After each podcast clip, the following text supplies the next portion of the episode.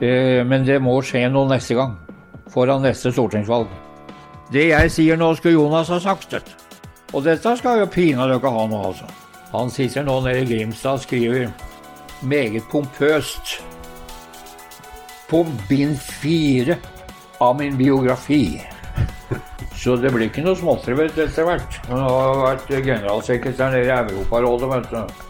Her er Stavrum og Eikeland, en podkast fra Nettavisen. Torbjørn Berntsen, du er tidligere nestleder og er nestor i Arbeiderpartiet. Nå har du et parti som har mista mange velgere. Hva er grunnen til det? Grunnen til at uh, at det ikke står så bra til nå Ja. Nei, det er uh, selvfølgelig mange forskjellige grunner til det, da. Det, jeg sa det i går på et møte som jeg var i forbindelse med 1. mai, da, og siterte eh, fra en lapp som eh, Tage Erlander, tidligere svenske statsministeren, hadde etterlatt seg på eh, talerstolen. Eh, og når han eh, gikk ned, da, så han glemte den der lappen. Og da eh, så møtelederne, så han gikk jo opp og, og fikk tak i den lappen igjen. Og der sto det bare noen få ord. Og det var hele manuskriptet hans. Og der sto det 'De stigende forventningenes misnøye'. Og det er nok der vi er litt. Vi eh, har jo hatt det bra her i Norge materielt. Ikke minst pga. Jens Evensen og kontinentalsokkeren og olje og gassen. Så har vi hatt brød i brødboksen. Eh, Så det har nok eh, ført til at vi har liksom hatt et sånt eh, permanent sånn forventningspress. At alt skal bli bedre, og da har vi stort sett tenkt på det materielle forbruket. da at vi skulle få mer å kjøpe og kaste. Så, så det ligger vel noe eh, der at vi har hatt en jevn økonomisk utvikling, og at folk eh, i stor grad kanskje forventer at dette her bare skal fortsette. Uansett, da. Så Men jeg har jo sett uttalelser fra flere unge, aktive mennesker og sier at nå må vi begynne å ta det litt mer med ro. For hva er vi driver og trakter etter? Det vi må gjøre, en skikkelig oppryddingsjobb, det er jo uh, å få orden på fordelinga her. Det er jo sånn i samfunnet vårt nå at de rike blir rikere, og de fattigere står på stedet hvil. Og det, sånn kan vi ikke ha det i et land som ledes av det norske Arbeiderpartiet. Det går ikke. Så der har vi vært litt for svake i denne her eh, fordeling av formue og inntekt. Og vi ser jo eh, Ja, jeg kan bare ta noen eh, det er dagligvarebaronen, ikke sant. Han kjører seg svære Rema 1000, da. Og det imperiet til han Rimihagen, som det heter, med Orkla. Som har jo alt fra Grandiosaen til leverpostei og til biler. Så det er fullstendig markedsmaks, da. Og det er jo ikke helt i tråd med det vi ønsker, da. Så det er eh, ting som må ryddes opp i. Så Men vi må få noe, tak i noen gamle proletarer vet du, i ledelsen av den der rørsla, vet du. De er millionærer hele gjengen, vet du. Det er jo nytt for, nytt for dette eh, partiet. Ja. Og eh, han Oddvar Nordli fortalte en gang fra en tid han hadde vært eh, i AUF, han òg, da. Så han var et sånn helgekurs hvor det skulle komme noen gamle ordførere og greier og fortelle seg ungdommene hva politikk egentlig var for noe. da. Og da var det en av disse gamle ordførerne fra Stanga på Hedmarken som kom der og skulle snakke om ideologi, da. Det var en annen kar som sa til meg en gang at når, tenker om idealer tenker på Hedmark, så tenker de på flatbrød. Men han Han hadde spurt han der gamle ordføreren da hva sosialismen var for noe. Og da han klødde seg litt bak øret, han der gamle ordføreren, sa han Sosialisme, det er smør på kaka. og det var greit. Det var tomt i brødboksen mange steder i mellomtida. Så smør på kaka, det var grei marsjordre. Det. skal vi pinadø ha. Vi skal fylle opp den der brødboksen, og folk skal fanken ikke gå sultne fra bordet. Og det skal bli noe til alle. Også de som sitter helt nederst. Her, de skal få tilsendt Geitosten, de også få tatt seg et par skiver oppå brødskiva. Av 21 eh, i sentralstyret i Arbeiderpartiet, så har alle millionlønn. Ja. To av fire i partiledelsen har over 100 millioner i formue. Ja. Er det et Arbeiderparti? Ja, det blir det etter hvert som vi tjener mye penger her i landet, da. Men det er klart, jeg satt jo ja, Jeg var jo sentralstyrende, var ned- nestleder. Så, så hadde jeg sittet der i dag, så hadde jeg hatt en million, jeg òg, da. For det er statsrådlønninger, da. Så når halve sentralstyret består av sånne statsråder, så blir det millionlønninger. Så, øh, men det, det er jo et spørsmål som er åpent til diskusjon, da, med lønningene, eller honoraret til politikere i sin alminnelighet, da. Så det har jo vært en diskusjon. Men føler du at, at, at partiet har mista eh, litt, litt LO? Altså at, at fagbevegelsen at den har kommet litt, eh, litt i bak, eh, bakevja, eh, for å si det sånn? At, eh, Ja, altså Jeg tror det skjedde noe positivt nå i forbindelse med tariffoppgjøret nå i år. For Peggy er flink, skjønner du. Hun er millionær, hun òg. mannen er enda Vi, rikere. vi godtar millionær bare med flinke, vet du. Bare gjør jobben. Nei da, så fikk jo jeg i, i stand et skikkelig tariffoppgjør, da. Vi gjorde jo det. Og der fant jeg jo tonen med han bort til NHO, da. Og det er bra, for vi skal jo jobbe sammen. Vi skal jo ha dette her samfunnet til å humpe og gå, ikke sant. Så, og det har jo greid stort sett ganske bra. Nei da, så Så så det at folk ender opp med store formuer, det er bare vi har en ordentlig skattepolitikk og får dratt inn det vi skal til fellesskapet, så er det i orden. Og jeg hadde jo godt betalt, jeg òg. Ni år som statsråd. Så jeg klagde ikke. Har Arbeiderpartiet riktig partileder? Ja, altså Det virker jo ikke sånn nå, da. Eh, dette har jeg utmalt eh, meg om, om før, for jeg syns dette er litt sånn trist. da, For, eh, for Jonas har ikke den oppslutningen som jeg mener han fortjener, for han har vært flink og levert varene. Eh, og står jo og leder landet i et veldig vanskelig periode, som vi var inne på her, med, med krigen i Ukraina, med alt det som det betyr, og presset fra russere hele tida. Så øh, Men det er klart at øh, vi ligger der vi gjør, da. Det er jo 17-18% nå på meningsmålingene. Det, det, det, det er jo ikke bra. Det har jo blitt flere partier, altså det er flere å dele med. Men øh, Arbeiderpartiet burde nok øh, iallfall ha som klar og nokså realistisk målsetting, etter min syn, å komme seg opp på 30-tallet igjen. Og og nå har jo Situasjonen har jo det vært i, i forhold til Jonas, og dette er jo bare faktum. At, at etter han overtok som partileder, så har jo bare gallupen for Arbeiderpartiet gått én vei, og det er nedover. Nå skal jo ikke han ha ansvaret for det aleine, vi er jo et parti og fellesskap, men eh, der ligger vi altså. Det er klart det er den øverste ledelsen i enhver organisasjon og bedrift for den saks skyld som sitter med hovedansvaret. Så eh, Men rundt omkring i kommunene, det er jo kommunevalg vi skal ha nå til høsten, så, så har vi greid å levere varene, da. Eh, på samme måte som jeg mener vi har greid det nasjonalt, men der får vi poeng for det. Så det går et klart skille mellom den oppslutningen som vi har da rundt omkring i kommunene i forbindelse med kommunevalget, og det Gallupen viser når det gjelder stortingsvalget. da.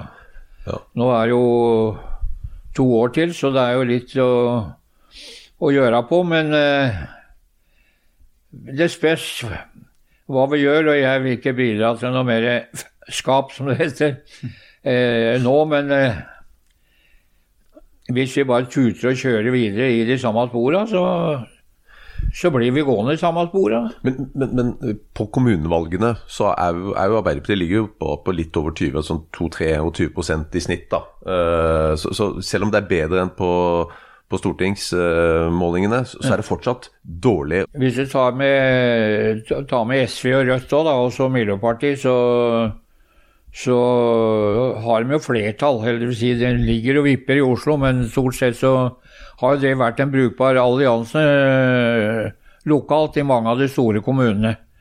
Eh, og det, det må vi satse videre på. Og jeg har jo sett, jeg syns det kan bli veldig interessant med kommunevalget til høsten på ett av de store spørsmålene som Erna har annonsert, og det er privatisering. Og det er privatisering av eh, barnehager, sykehjem, deler sykehus og greier og greier. Og da skal det bli luft i luka, ja. For å se hva som skjedde i forrige runde med de der private barnehagers landsforbund som var altså en privat, økonomisk basert eh, organisasjon, hvor staten har betalt alt sammen. Både tomta, og bygningene og hele dritten, men de ble sittende der med sånn formelt eierskap dette greiene, og solgte hele greia til et sånt svensk konsern for fire milliarder kroner. Og dette skal jo pinadø ikke ha noe, altså. Så eh, vi er inne i en sånn uh, periode hvor uh, hvor vi må tette noen av, tette noen av høla så det ikke blir så mange rømme, rømmingsveier. Mm. Og ta liksom penger som er opptjent her i Norge, med norske arbeidskraft og det ene med det andre. Og det hoper seg opp på noen få hender, og så tar de det og så drar av gårde. Og kjøper seg sånn eh, sveitserhals og hatt og så tar et grunnkurs i jodling, og så drar de av gårde. Ja. Men du, Foran landsmøtet i Arbeiderpartiet så ble jo nå Helga Pedersen lansert som partisekretær. Eh, og så trakk hun seg etter å ha snakka med Jonas Gahr Støre. Ville du hatt Helga Pedersen eller Kjersti Stenseng som partisekretær? Nei, jeg vil ikke velge mellom noen av Så eh, Nei, jeg tror det landsmøtet som kommer nå, det kommer til å gå som det går. Så det er landsmøtet neste gang i forhold til stortingsvalget som blir mer viktig. Men det er jo to andre som kommer til å bli sånn halvveis krona nå, da.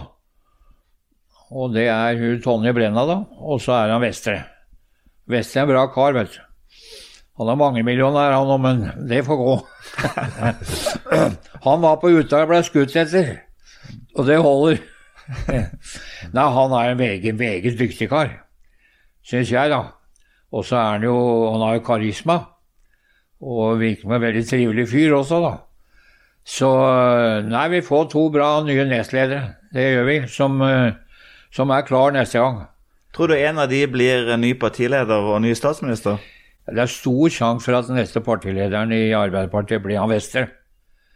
Så, men Ronald må jo trekke seg, da, i tilfelle. Vi kaster jo ingen. hvis, gjør, hvis, det blir et dårlig valg nå, bør man bytte partileder før neste stortingsvalg? Ja, vi må jo skaffe oss en uh, skikkelig sånn startplanke, da. Så vi kommer ordentlig ut i hoppet. Ja. Så, uh, og det er klart at når vi har hatt en partiledelse over lang tid, Eh, hvor, eh, hvor vår oppslutning bare går nedover. Så må vi gjøre noe med det. Og det er eh, Iallfall må det gjøres i forhold til landsmøtet neste gang. Så Og jeg regner jo med at Rona Jonas, og det gjelder jo også Stenseng, må jo vurdere sine egne posisjoner i ly av den situasjonen som partiet er i, da. For de har jo hatt ansvaret for den øverste ledelsen. Og sånn er jo det i alle organisasjoner og bedrifter at hvis du ikke greier å, å tilfredsstille de eh, forventninger og for så vidt de forpliktelser som du har, så må du ta konsekvensen av det. For det å være partileder i Arbeiderpartiet og for så vidt statsminister, det er ikke noe sånn trofé. Det er et tillitsverv. Og da må du levere politiske resultater. Så så hvis det blir et katastrofevalg for Arbeiderpartiet nå øh, til høsten, så bør både Stenseng og, og Jonas stikke. Jeg, jeg, jeg, tror ikke Altså, jeg må jo liksom være litt sånn realistisk, og det, det kommer ikke til å skje nå. Det, men det må skje noe neste gang. Foran neste stortingsvalg. For nå er jo dette kommunevalget, og vi må bare sørge for at vi gjør det bra der. Vi ligger mye bedre an der. Og, og, og faktisk greier veldig gode resultater i de store byene og veldig mange landkommuner også, da. Så vi får gjøre et uh, skikkelig godt uh, kommunevalg, og så er stortingsvalget det er neste runde. Og da er landsmøtet om to år igjen. Er det noe feil med politikken til Arbeiderpartiet? Nei, altså, jeg tror ikke det. Eh, det tror jeg ikke. Det, og der syns jeg Jonas poengterer dette veldig bra hele tida. At det er eh, Vi må løfte dem som ligger nederst nå, og vil jo ta et tak på en del av de viktige eh, trygdeytelsene. Alt fra barnehager til pensjoner må, må, ses på for å bli hengende etter her. Det er helt riktig. Det er helt i i tråd med liksom grunnsynet og sånt noe. Men eh, det vi ikke gjør i tilstrekkelig grad, det er å se på, etter meg som en sånn gammel Aker-arbeider, på kapitalinteressene. For han, han, kan betale noe mer til felleskassa, han Rimi-Hagen. Og det gjelder disse Reitan og Odd Reitan og kompani. Han er jo på slottet sitt nede, nede på Kanarøyene.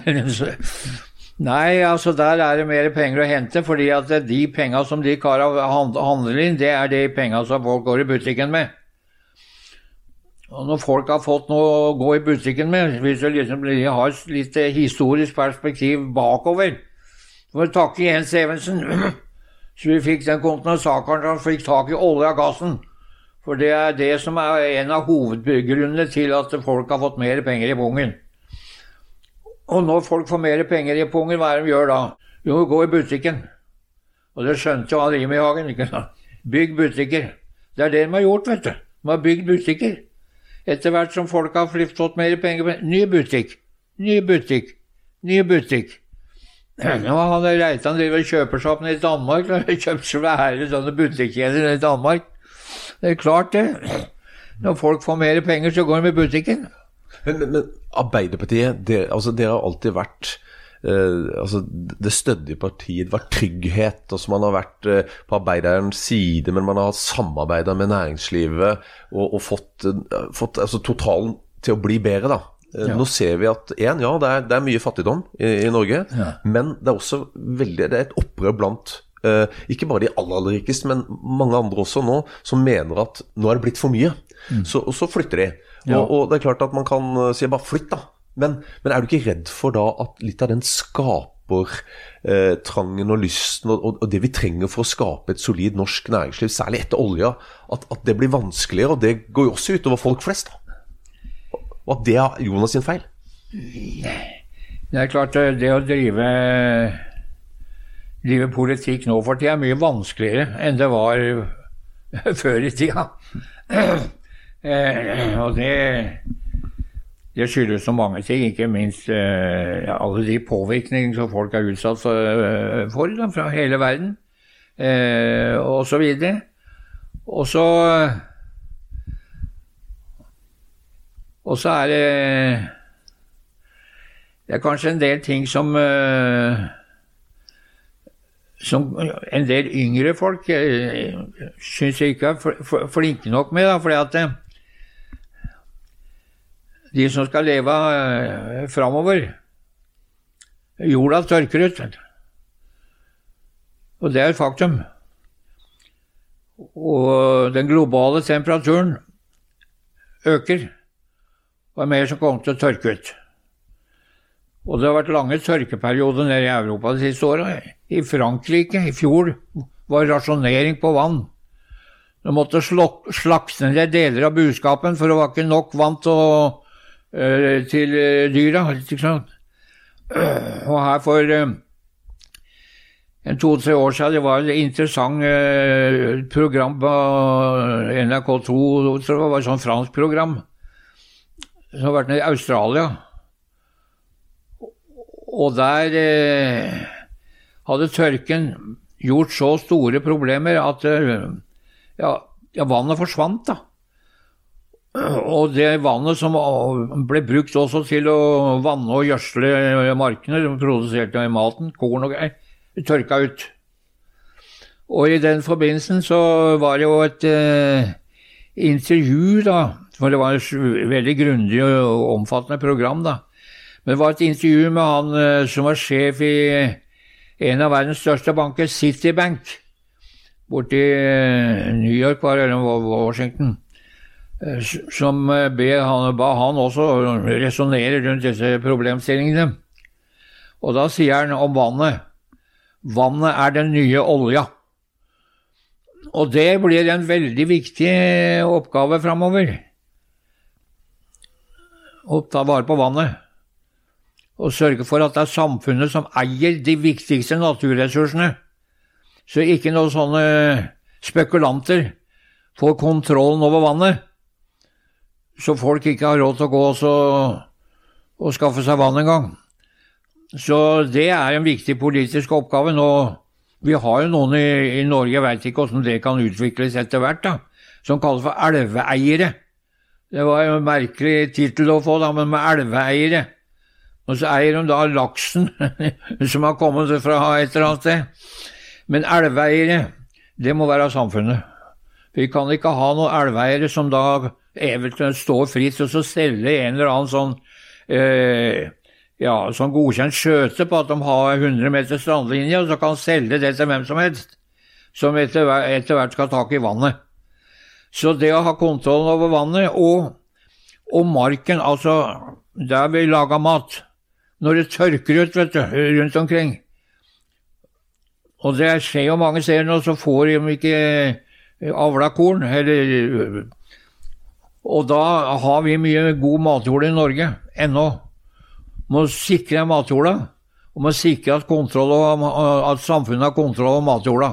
Så det er kontroll over de viktigste naturressursene må være på samfunnets hender, og ikke henda på noen sånne spekulasjonsinteresser. Veldig viktig. Og der må Jonas bli litt hardere i klypa når det gjelder sånne ting. Det jeg sier nå, skulle Jonas ha sagt. Det. Skulle jo han gått og sagt til 1. mai-talen sin. Altså, Ap ja. har mistet 400 000 velgere siden forrige valg. Eh, 130 000 av dem har gått til Høyre. Altså, Er du ikke redd for at hvis Jonas kjører en enda hardere politikk mot eh, næringslivet og mot eh, høyresida, at enda flere forsvinner, og, og, og de som blir igjen på venstresida, de er hos SV, de er hos Rødt, de er ja. hos MDG. Er du ikke redd for det? Ja, nei. Altså eh, eh, Arbeiderpartiet har jo eh, blant flere andre ting, vi har jo vært et næringslivsparti. Altså Vi har jo stått for styringa av dette landet mesteparten av tida etter den andre verdenskrigen. Og vi har utvikla oss til å bli Ja, det er jo kåra FN til verdens beste land å bo i, ikke sant? Men i de siste meningsmålene så, så framkom det at det var bare bort til Finland som var lykkeligere. Nei, men vi har gjort det bra, ikke sant? Og, eh, og jeg satt jo i Ja, det er også en business. Vet du. Jeg var, eh, jeg var tillitsmann på Aker når vi fant olja på Ekofisk. Lille julaften 1969. Da var jeg tillitsmann på Aker. Og jeg var der nede akkurat når vi fikk inn den der eh, Ocean Viking, da, som fant denne olja. Det var en amerikansk plattform som ble bygd om på Aker. Og på Burmeister og litt, eh, litt bortpå Rosenborg òg, så det var flere som var inne i bildet der. Men jeg jobba sammen med en på Aker, dvs. Si han, han eh, begynte vel egentlig rett etter at jeg hadde slutta der nede. men Uh, fikk mye kontakt med etterpå. En ingeniør som hadde vært eh, med og, og eh, bygde om Ocean Viking. Og han fortalte at han bodde på Veitvet. Så han bygde seg modeller som han hadde i badekaret. For å sjekke ut hvor, hva som måtte gjøres med den Ocean Viking for at den skulle tåle støyten ute i Nordsjøen. Og det er artig greier, vet du.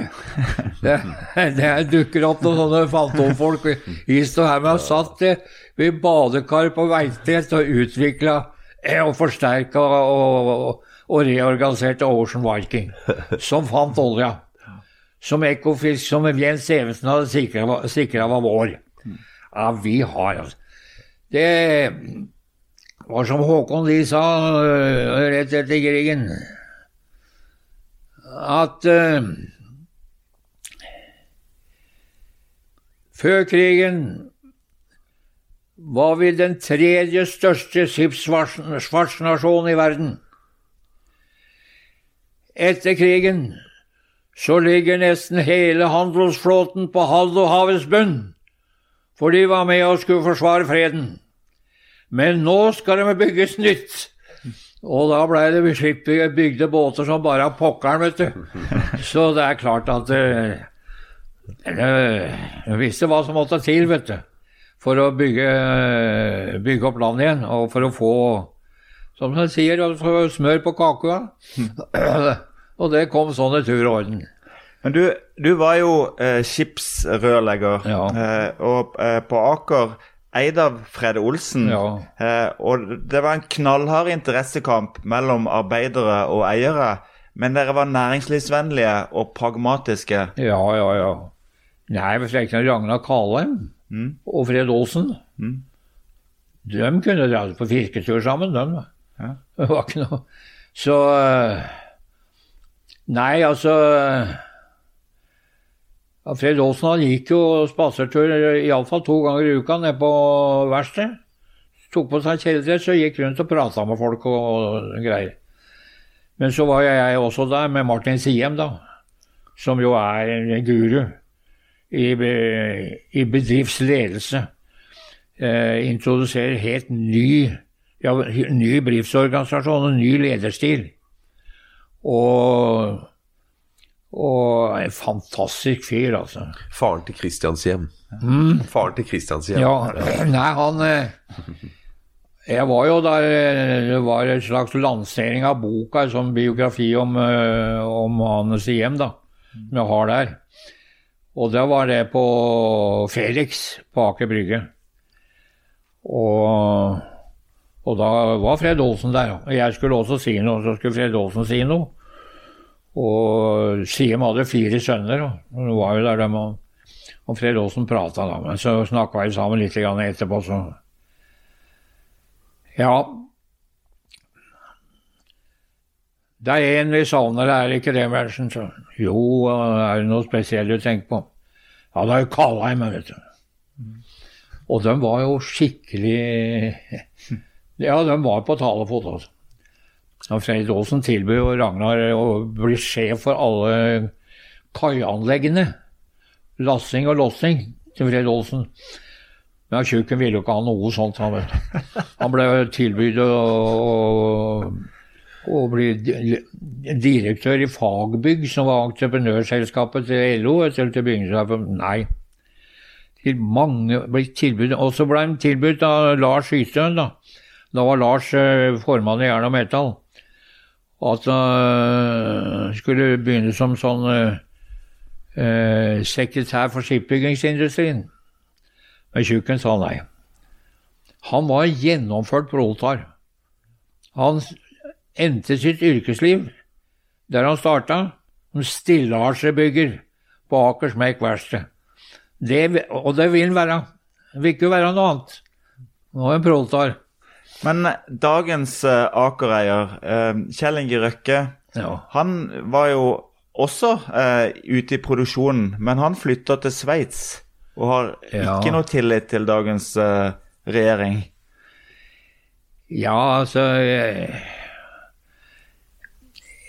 jeg syns det er litt, litt synd, da. For jeg liker han Røkke. Jeg har snakka med ham flere ganger, da.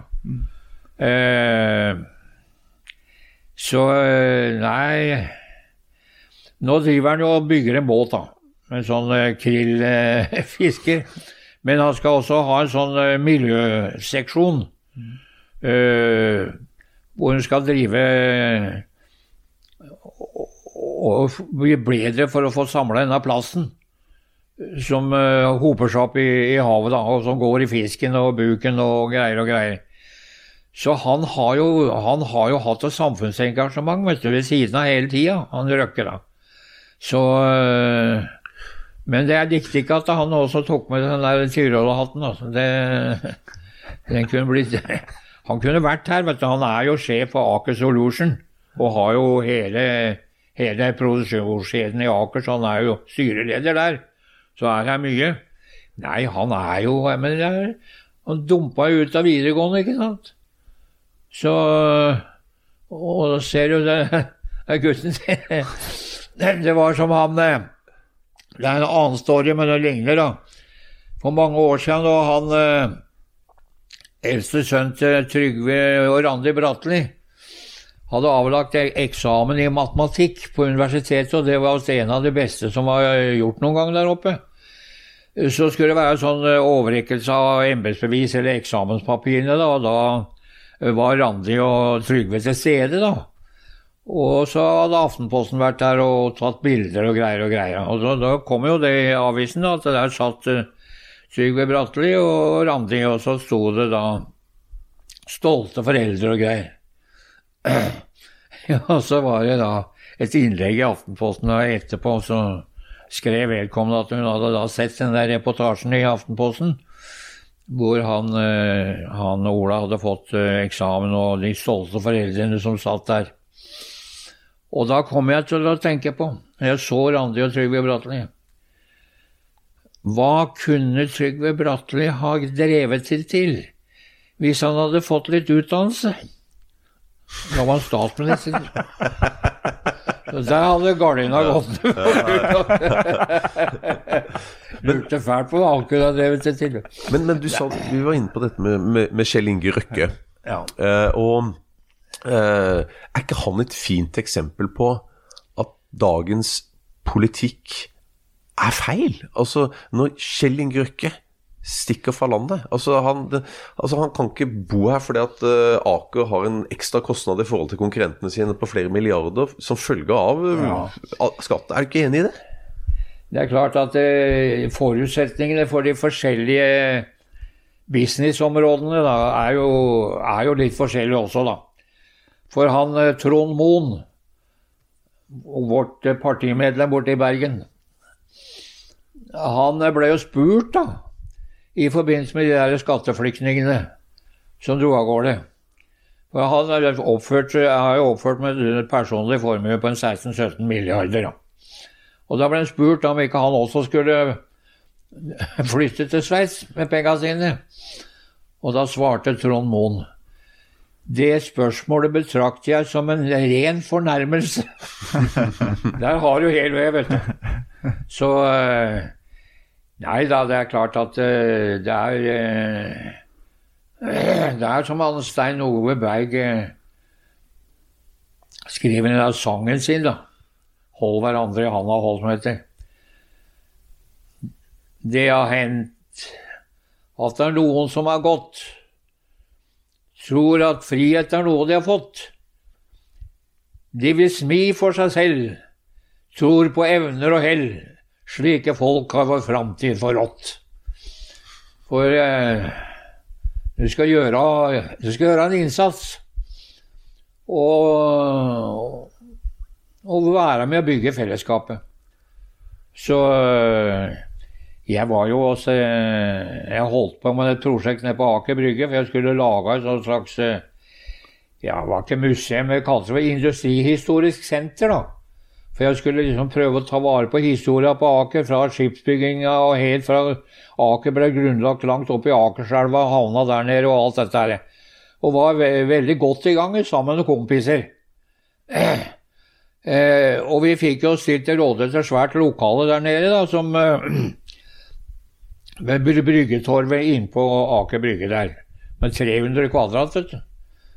Jeg fikk jo skaffa noe penger og fikk jo eh, tak i en, eh, en arkitekt da, som hadde lagd en sånn svær utstilling før. Som, så jeg fikk jo samla 300 000 eller noe sånt.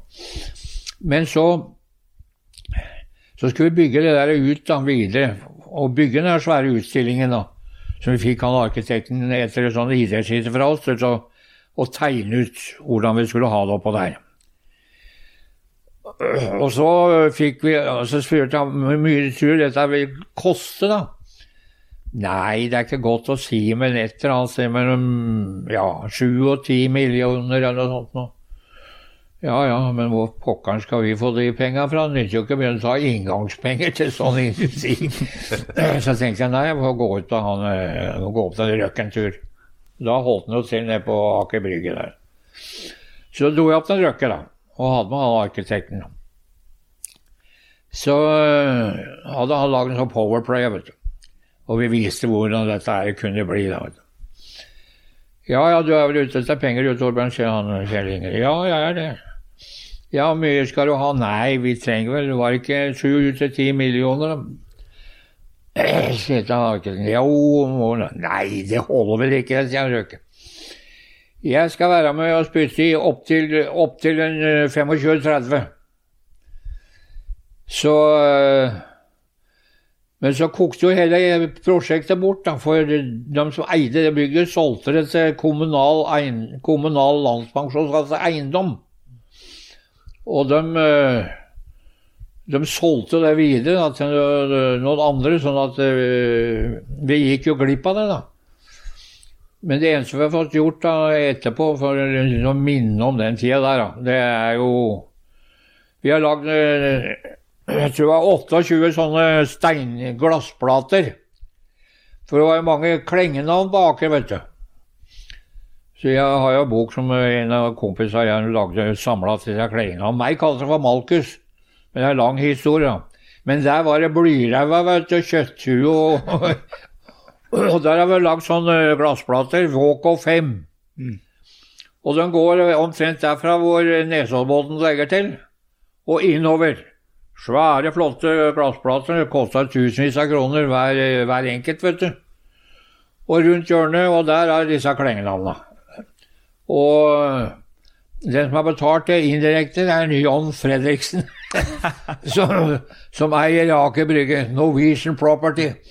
Han hadde en sånn eh, underdirektør som syntes dette var et jævla fint prosjekt. Og tok regninga.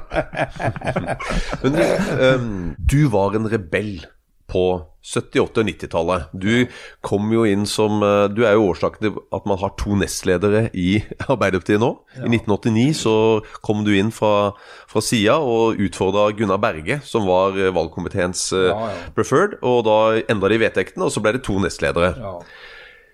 Hvis du hadde vært Helga Pedersen, hadde du stilt til valg på, på landsmøtet nå? Ja, altså hvis ikke, hvis ikke, jeg hadde gjort det jeg har gjort, som jeg gjorde den gangen, så hadde jeg blitt statsminister. For jeg hadde vunnet det valget. Og da hadde jeg overtatt etter Gro. Så, men det var et bevisst valg jeg gjorde da, oppå suiten til Gro. For da var jo hele Det var jo svær mobilisering for å få meg til å trekke meg, vet du. Men jeg hadde jo, han som var partisekretær i Oslo Arbeiderparti den gangen, hadde jo kontakt med alle partisekretærer i fylkespartiene. Så jeg hadde jo fullstendig flertall på landsmøtet. Så hadde det kommet til noen votering, så hadde jeg vunnet. Det, det, skriver jo Gunnar liksom sånn i, i boka si òg, da. Men hvis Gro hadde liksom lagt hele sin tyngde inn for han, så trodde nok han hadde vunnet likevel, men det hadde han jo aldri gjort. Men Gro oppkalte oss på rommet, da på suiten på, på Rica hotell. Lurte på om vi ikke kunne få Så da gikk vi inn på det der med to nestledere, Og endra vedtektene og greier og greier. Og Gunnar er jo en kjempefin fyr, og vi er jo alle tidligere gode kamerater har vært bestandig. Men når Gro skulle trekke seg på det landsmøtet, så så hadde jo hun holdt sitt hovedforedrag, da. Det var rett etter at hun hadde mista sønnen sin. Altså. Og så fikk vi beskjed av en av disse partisekretærene at uh, hun vil gjerne snakke med oss, da. Gunnar og Torbjørn Jagland, som da var partisekretær av meg, inn på et sånt lite rom nede i Folkeshuset bak uh, storsalen. Ja, så gikk vi dit, da. Så sier jeg at nå skal jeg fortelle dere noe som dere kanskje ikke liker å høre. Ja, vi var Så da kom det, da. Vi begynte å grine. Så- Du trekker, må trekke meg som partileder. Og da sa jeg med en gang Jeg vil ikke overta. Og det vil ikke du heller, Gunnar. Nei, jeg satsa på Torbjørn Jagland. Om det var så veldig klokt, det vet jeg ikke, men Men eh, det Men sånn øh, gikk det til, og da skriver Gunnar i boka si at han på forhånd, han og Gro på forhånd, hadde hatt en avtale på dette her. At Gunnar skulle gå inn og bli ny nestleder. Og det fortalte ingen av dem, verken til meg eller Torbjørn Jagland, så jeg kom med hele opplegget i forkjøpet. Ja. For hele opplegget der var at Gunnar skulle velges som ny, ny nestleder, og han skulle overta etter Gro. Det hadde vært greit nok, det. Hadde ikke det om å gjøre. Men da Jeg visste jo ikke da at de hadde liksom hatt et sånt maskepi på forhånd. Men det skriver han jo Gunnar sjøl i boka, så det er jo greit, da. Så sånn gikk det. Så ble Torbjørn Jagland da valgt eh, ny partileder, da. Og han sitter nå nede i Grimstad og skriver meget pompøst på min femte bio... På bind fire av min biografi. Så det blir ikke noe småtteri etter hvert. Han har vært generalsekretær nede i Europarådet, vet du. Så blir det da Ja. Skriver på fjerde bind av min biografi. Men Helga Pedersen kunne jo stilt til valg eh, og kanskje vunnet en avstemning om å bli partisekretær, hvis hun ikke hadde trukket seg. Ja, ja. Ja, nei, altså Du hadde gjort det. Hæ? Du hadde gjort det. Nei, jeg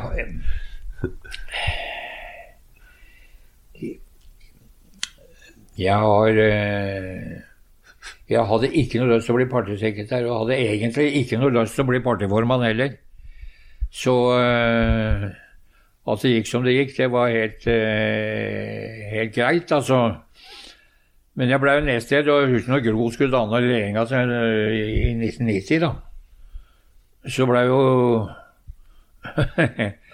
innkalt da på kontoret hennes av både Torbjørn Jagland og Gunnar eh, Berge og meg, da. Skulle sette oss sammen med regjeringa. For da hadde jo Syse kasta korten. Så Ja, ja. Så hadde jeg jo tenkt ut noen, da. Jeg husker godt jeg sier jeg kom til kulturminister. Så så foreslo jeg med en gang Åse Kleveland, da. Ja, ja, Åse er fin, jeg Vel, ta Åse Kleveland. Og, og, og sånn gikk det, da. Så Ja, hva vil du ha, Torbjørn? Nei, altså, det var jo i kommunalkomiteen, hadde drevet mye med boligpolitikk, arbeidsmiljøsaker og, og den slags ting. Det var jo veldig eh, interessante saker, da. Så. Og miljø. For jeg var jo kommunal- og miljøvernkomité. Og da sier Gro det at eh, Ja ja, Torbjørn, du er jo som poteten. Du kan jo brukes til både det ene og det andre. Det var jo et kompliment, da.